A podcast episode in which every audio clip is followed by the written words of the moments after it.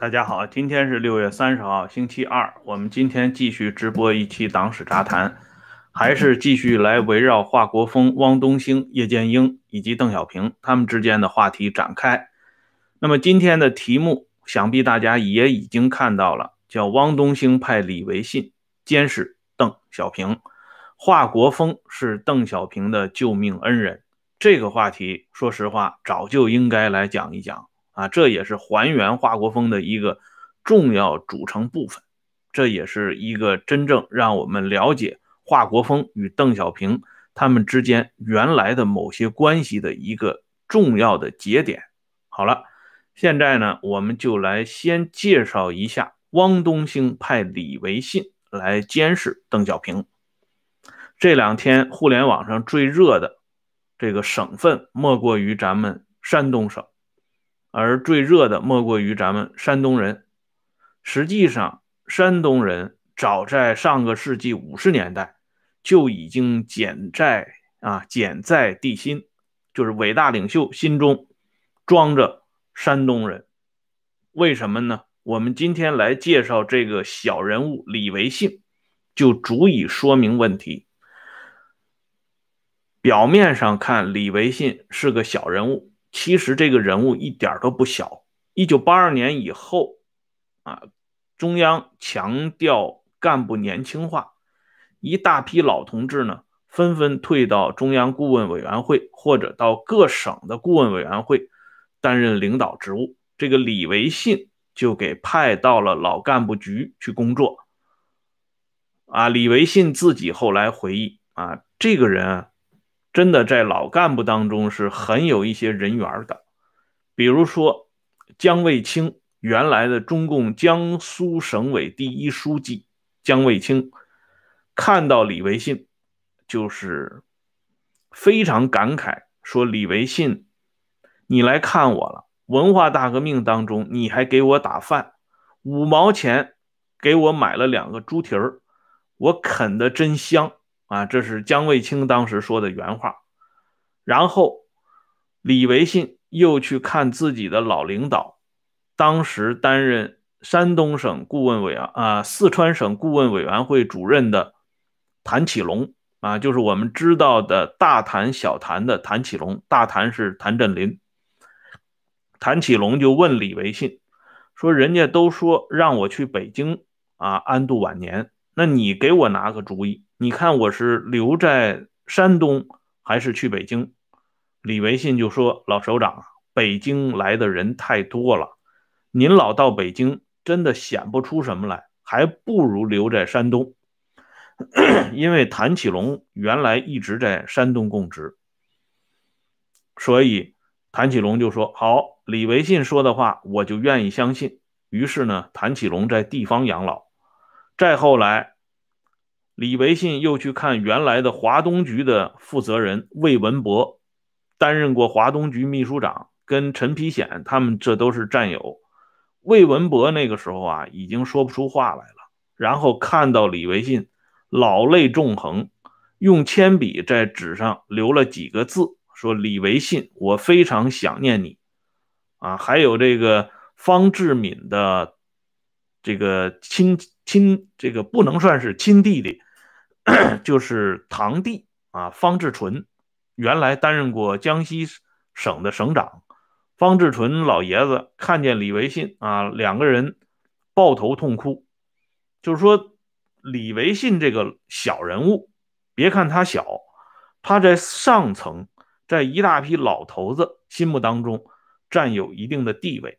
所以，这个人出马，由汪东兴派出来来监视。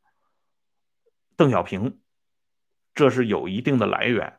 更主要的是，李维信那是伟大领袖非常喜欢的一个服务员。李维信是山东临沂人，这个人长得是虎背熊腰，所以他在中央办公厅和中央警卫局有一个外号叫“狗熊”，啊，这个外号就是这么来的。当初啊，他本来是应该正常参军啊，去野战军。可是这个时候，伟大领袖点名了。伟大领袖说：“山东人最好，要山东人保卫党中央，山东人做保卫工作好，忠诚直爽。”这是伟大领袖亲口做的最高指示。所以下边呢，汪东兴、张耀慈、杨德忠，他们这些人就赶紧安排山东人进入刚刚组建的中央警卫师。其中，这个中央警卫师非常重要的一个团，就是中央警卫师二团，嗯，简称中央警卫二团。李维信就是被挑进中央警卫二团的。这个中央警卫二团当中，有百分之九十以上的人都是一水儿的山东人，山东大汉。而这个中央警卫二团，他在。组建不久之后，曾经担负了一个非常重要的任务。这是后来啊，少将吴烈他在他的回忆录里边讲述的。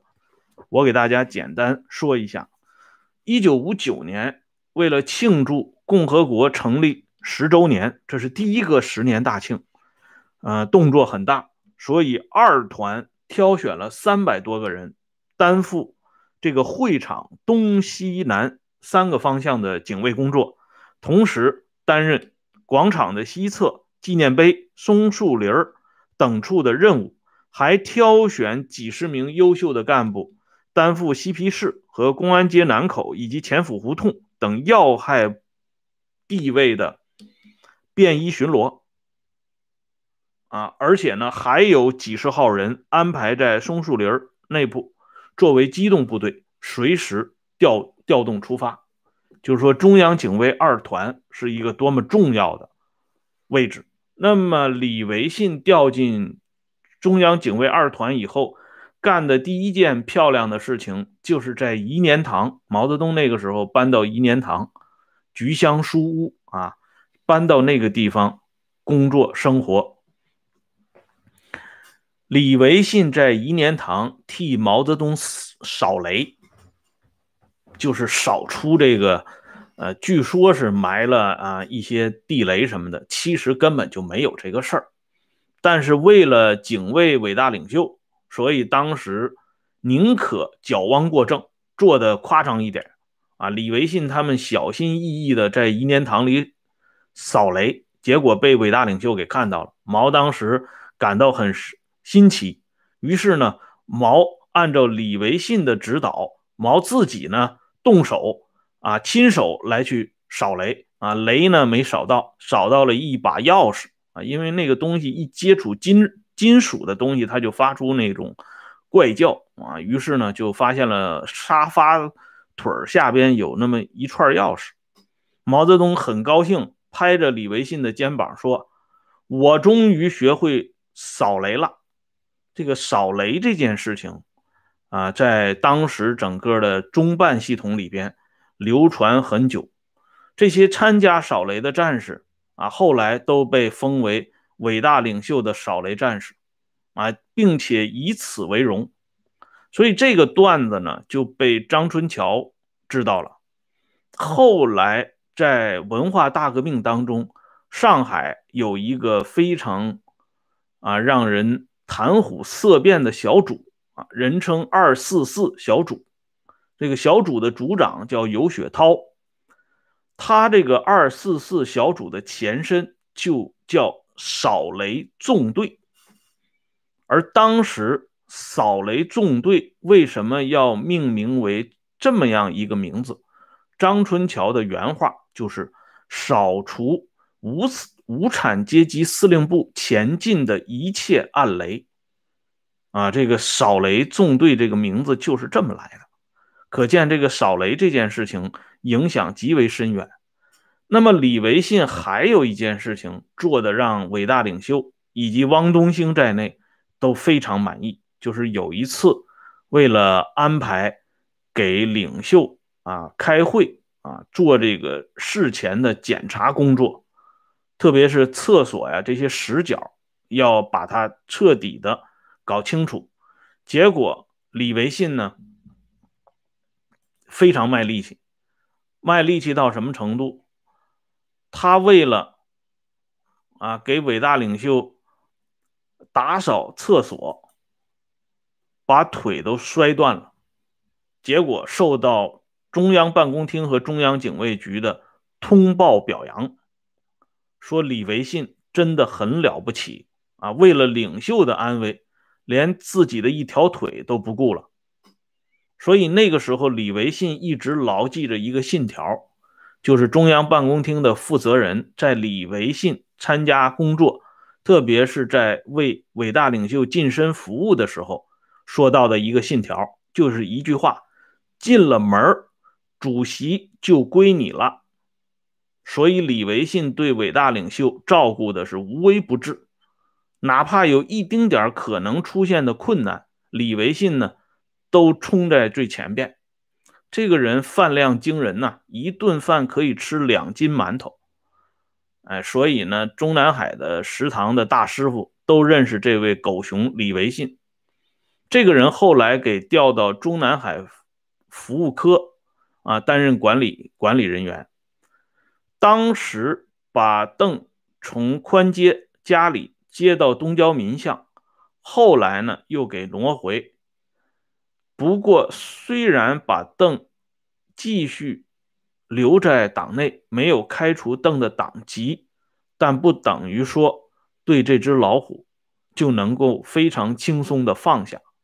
伟大领袖和汪主任对邓呢一直不是特别放心，这个时候就想到了李维信，要让李维信来负责监视啊邓。当时的动静还挺大的。嗯，调了一个警卫连，名义上是保护邓，实际上是看着邓。就在邓的住处宽街，李维信调了一名连的副指导员帮助监视，一起监视这个邓小平。李维信工作做得很仔细啊。当时邓小平的小儿子就是邓志芳。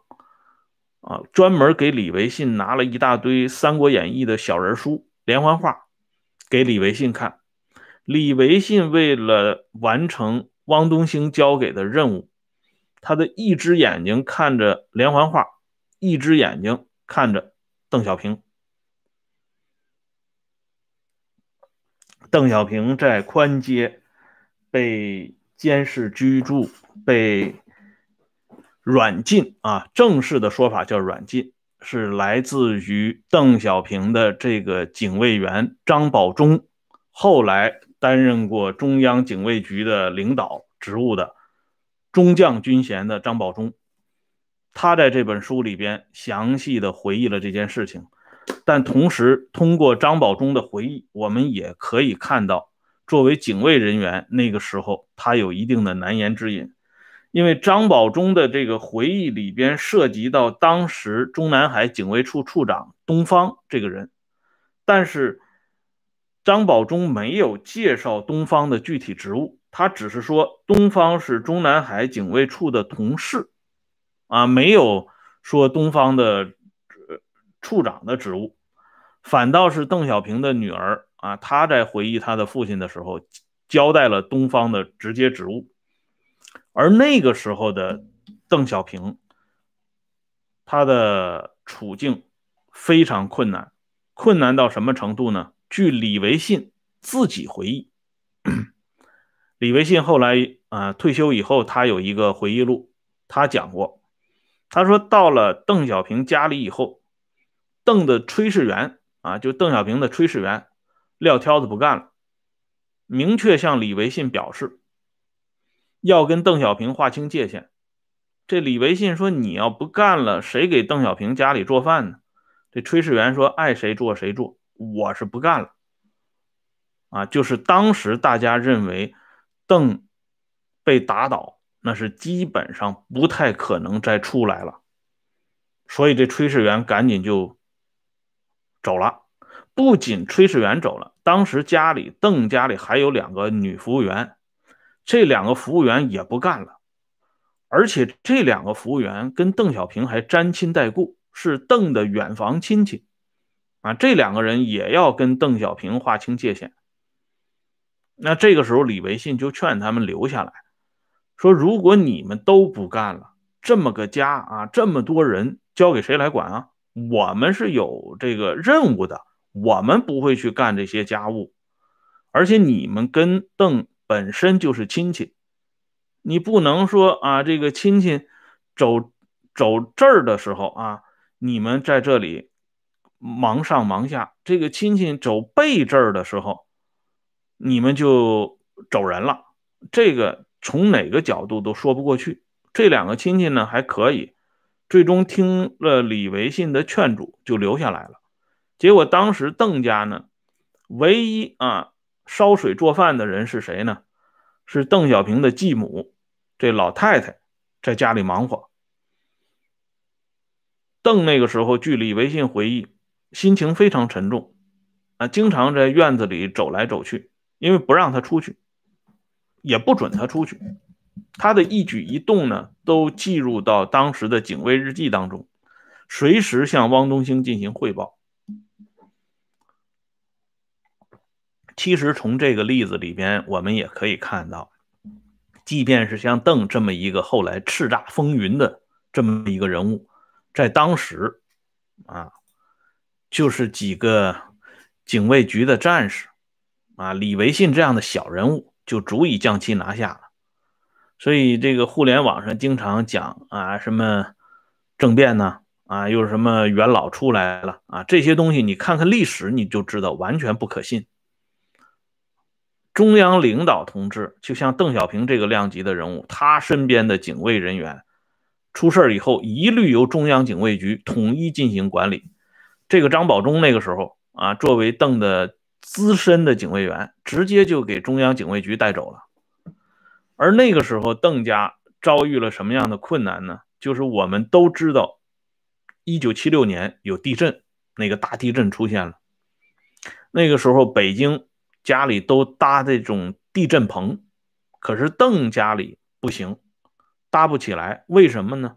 只有一块塑料布，这个地震棚根本就没法完成啊！而且是哭告无门，没人愿意伸手帮他们。这个时候，李维信因为跟邓的警卫员张保忠认识，他就跟张保忠讲了，说小平家里只有一个塑料布搭的地震棚，家里人太多也不够用，但是我又不敢跟上级领导讲。张保忠因为不在邓的跟前，听了这个事情啊，也很焦急，他就告诉李维信，他说你就去找东方警卫处处长东方。跟他把这个事情反映出来，也许能解决问题。这样呢，李维信还很够意思啊，因为当年在养蜂夹道俱乐部的时候，李维信跟邓小平还都是呃熟悉的，所以李维信就按照张保忠的交代，去找了警卫处处长东方。邓小平家里的地震棚这个问题呢，就得到了解决。到了七十年代末八十年代初，邓已经爬升到了。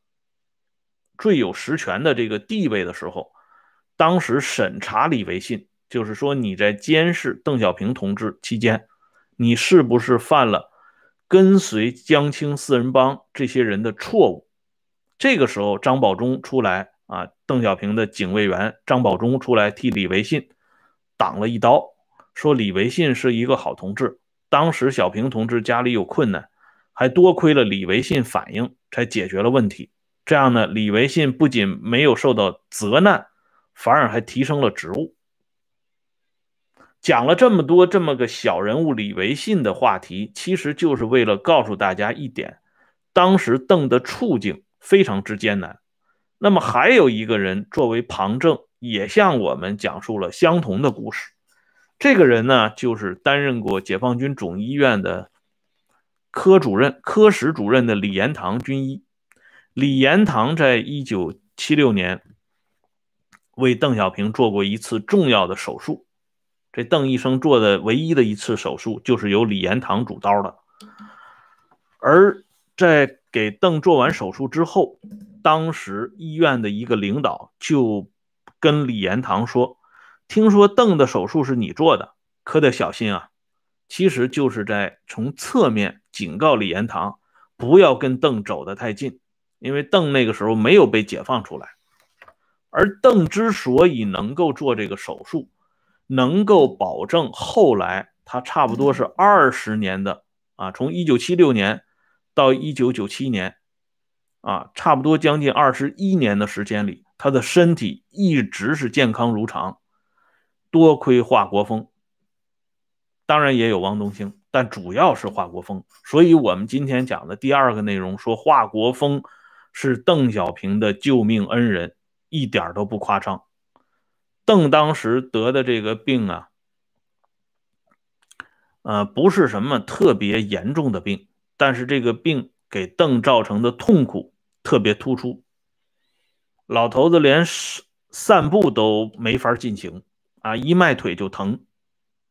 这个前列腺的疾病，而且呢还引起了其发其他的并发症啊，不是特别严重，但是比较麻烦。而且，如果听任发展下去，那么有什么样的不良的后果，谁也没有办法预测。于是呢，家里当时就开会，邓本人就主张要动手术，啊，干脆就是一次性解决。可是家里的其他人就有顾虑，因为邓毕竟年龄大了，那个时候的邓已经七十二岁了，啊，这已经是。啊，人生七十古来稀啊，古稀之年，动这么一个手术，身体能不能受得住？而且手术之后有什么样的后果，谁也不知道。比如说，邓的二女儿邓楠就一直对邓术后的一些表现非常挂念啊，以后还专门询问过李延堂。可是，不管你是动手术也好，不动手术也罢，所有的这些治疗。邓自己是做不了主的，按照当时中央的规定，邓这个级别的必须往上申请报告，没有华国锋的批准，你做任何的治疗都是不可能的。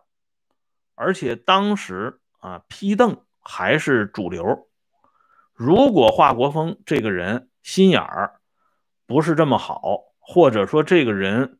人家就是僵化的、机械的，按照伟大领袖的要求啊，因为你邓现在是被软禁当中啊，那你这个治疗就不可能那么及时、那么到位。只要在这个问题上人家拖一拖，或者打打官腔，那邓的身体会遭遇什么样的不测，那是很难预见的。但是华国锋这个人很痛快。